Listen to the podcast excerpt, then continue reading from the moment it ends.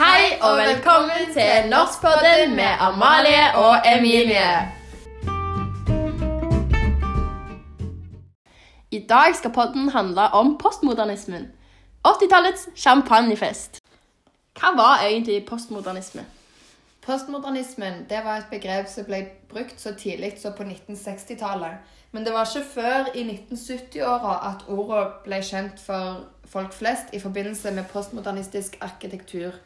Grunnen til at folk ble bevisste på det postmodernistiske begrepet, var fordi at ikke alle holdt seg oppdaterte på trender innen litteratur og kunst, men arkitekturen var umulig å ikke legge merke til. Det er ikke lett å gi en dekkende definisjon på hva postmodernismen er som begrep. Og det er fordi at det sjelden blir brukt alene og i avgrensa betydning. Men noen trekk var det jo stort sett enighet om. Og det var det at postmodernismen ikke respekterte noen regler, så i utgangspunktet så var alt tillatt. Og den kombinerte alle slags uttrykk og overskredet alle slags grenser mellom gammelt og nytt, hjemlig og fremmed, og ikke minst finkulturelt og pop populærkulturelt. Postmodernismen ville nå ut publikummet sitt med å kommunisere direkte, og var jo, så alle andre litterære epoker, et oppgjør mot sin forgjenger, som var modernismen. Og de postmodernistiske uttrykkene de var ofte lekende og lygne og ironiske, og var en ganske stor kontrast til modernismen, der alt var veldig seriøst og preget av alvor. Og postmoderne litteratur var mer muntert, og forfatterne ga på denne måten et mer frodig og leken lekent uttrykk. Postmodernisme er et begrep vi trenger, ikke sant, Amalie? Ja. Den beskriver de mer eller mindre eksperimentelle kulturuttrykkene fra slutten av 1900-tallet, som har mange fe fellestrekk, og som verken er innenfor tradisjonalismen eller modernismen. Det alvorlige 70-tallet var seriøst, en kamp mot kapitalisme og kamp for rettigheter. Og på 80-tallet var verden mangfoldig og uoversiktlig. Det kom masse ny informasjon og flimrende inntrykk. Verden mangla retning og faste sannheter om hva som var sant, rett, galt, fint og stygt. Alt var relativt. En valgte identitet sjøl og tok sjøl avstand fra det du ikke ville være. Samtidig så var 80-tallet en fest hvor alt fra USA ble elska. Det var luksus, individdyrkelse, økt forbruk og jappetid. Det var i fullstendig motsetning til det politiske 70-tallet, der alt futt gikk ut av kampene og verdiene. På 80-tallet steg inntektene, og Norge ble internasjonalt. Parabolen kom, og serier som Dallas og Falcon Crest var i vinden. Og med TV, video og parabol kom òg MTV. Eh, det var en amerikansk musikk-TV-kanal hvor musikken til kjente artister og band ble spilt og vist med musikkvideo. Ja, og det er litt løye å tenke på at eh, vi òg til og med har sett på MTV når vi var mindre. Ja, for 80-tallet virker liksom så langt vekke. Ja. Så lenge siden. Ikke sant?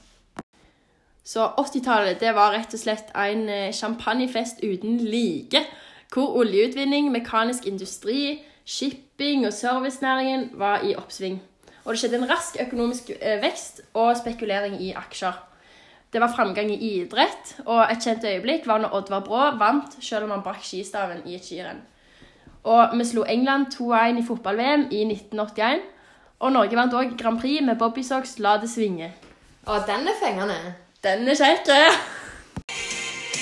La det svinge, la det rock'n'roll. La det svinge til du mister all kontroll. Åh, hei hå. La det synger la det rock'n'roll. Ja, ja, ja. Ah, Deilig! Ja, vet du hva, Jeg tror vi må meldes på MGP Junior. jeg. Ja, faktisk. Dette her er en bangers. Men vi må videre i denne podden her. Ja. Uh, og begynne rett på litteraturen på 80-tallet. Den var likegyldig til den sosialistiske 70-tallslitteraturen med feminisme og solidaritet og alvor. Ja, på denne tida skifta litteraturen kurs mot en mer individorientert litteratur. Gymnaslærer Pedersen ble gitt ut av Dag Solstad og var et ironisk tilbakeblikk på 70-tallet og arbeidernes kommunistparti. I den nye litteraturen fulgte vi hovedpersoner i romaner over et langt tidsrom.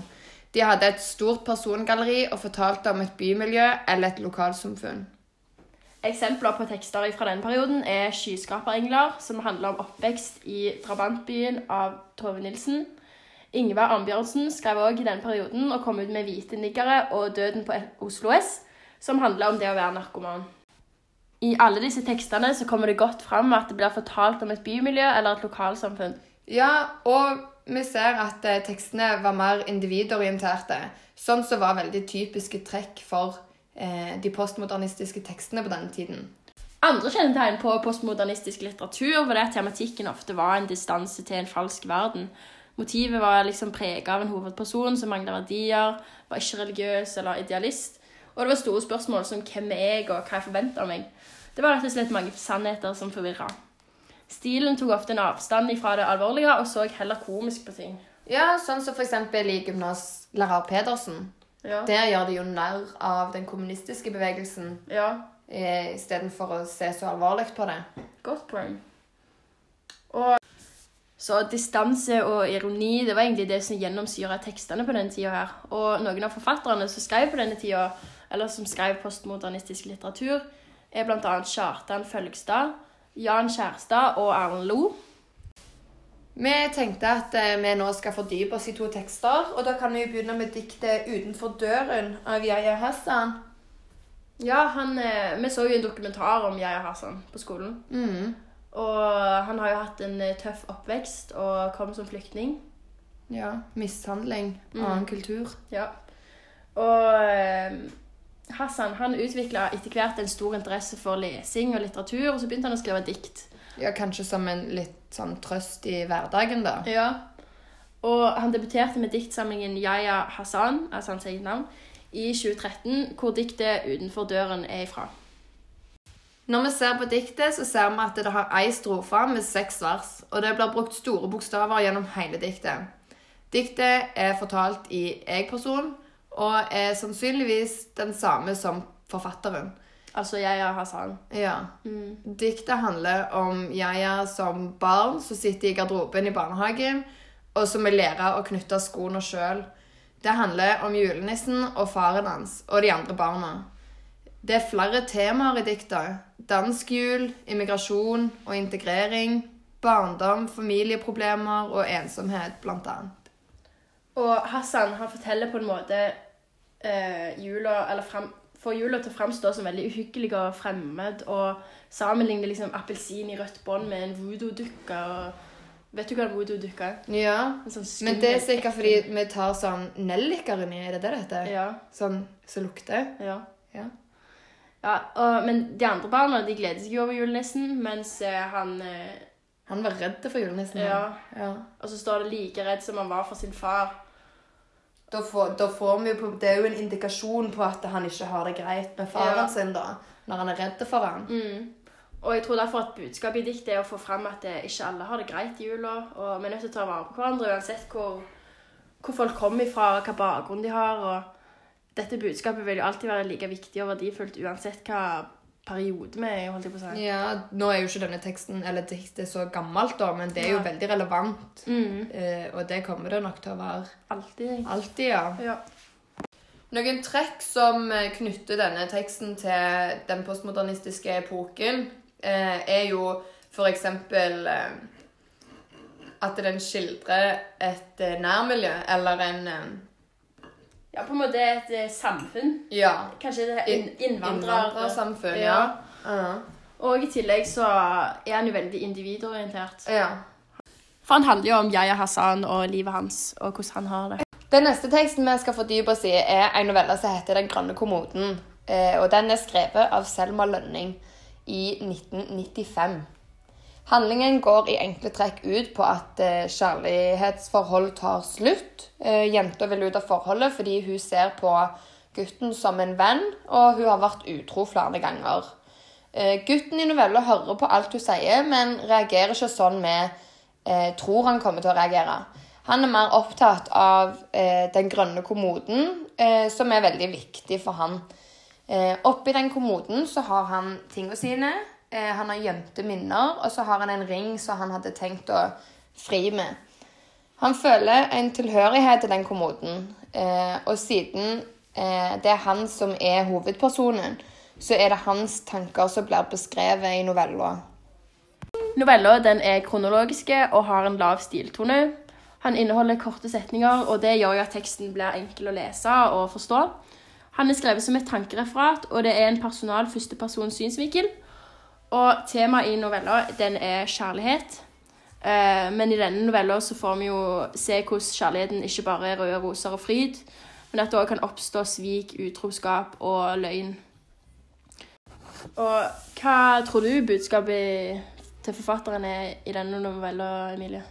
Jeg tenker jo at eh, budskapet kan være at eh, det er jo ofte de som står deg nærmest, som svikter deg mest. Mm. Eh, og i dette tilfellet så er det jo på en måte det, fordi en kjæreste er jo på en måte nesten Mm. det nærmeste du kommer. Eh, og ja. Ja, og i tillegg så Så tror jeg òg det at eh, hun jenta skal ikke få på en måte ta ifra han tingene sine, på en måte. Og Mm. fortida si og alt liksom han har oppi den kommoden, Mm. som er liksom så viktig for han. Jeg tenker jo òg at det, på en måte kommoden det symboliserer jo mye av på en måte hans minner og Mm. fortiden, eller deres tid sammen. Ja. Og at det, når hun på en måte har sløst vekk Mm. den tida og ødelagt det forholdet, så vil han ikke la hun ta med seg de tinga. ja. Fordi han så kommoden kan på en måte han- da være et symbol på han. Ja, at det, ja, at det virker som om han eh, vil ha det med seg fordi han er den eneste som bryr seg. Ja. For hun brydde seg jo ikke så mye. Mm. I likhet med den andre teksten eh, som vi fordypte oss i, så er det jo klare trekk fra postmodernismen her òg. Eh, blant annet så er det veldig individfokusert. Eh, handler om han hovedpersonen. Eh, og så beskriver det jo et eh, kjærlighetsforhold, da. ja. Eh, ja. Men du Amalie, vi blir jo ganske engasjerte i dette her. Men nå Ja, tida renner jo fra oss. Ja, det renner fra oss. Nå går det mot slutten. Men eh, vi kan jo nevne litt om kildene vi har brukt. Ja. Vi har for det meste brukt norskboka og grip teksten Mm. eh, for å lese om eh, postmodernismen som periode. Ja.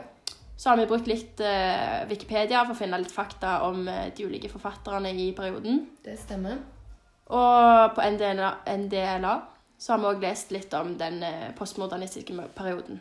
Ja. Og så har vi jo brukt Annikas eh, lærerike flotte presentasjon om 80-tallet. Så det er egentlig kildene vi har brukt. ja og, Så da er det bare å si takk for oss Ja. og snakkes i neste pod. ja. Og hva er det vi skal podde om da? Da er det språkdebatt. Yes. Det okay. elsker vi.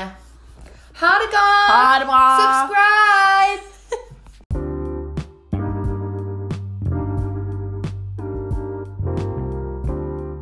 Er det bare å si takk for oss. Takk for oss, ja. Snakkes i neste pod, og den skal handle om eh, Språkdebatt. språkdebatten. Kommer neste fredag. Yes. Hver fredag. Yes. Ny pod. Subscribe!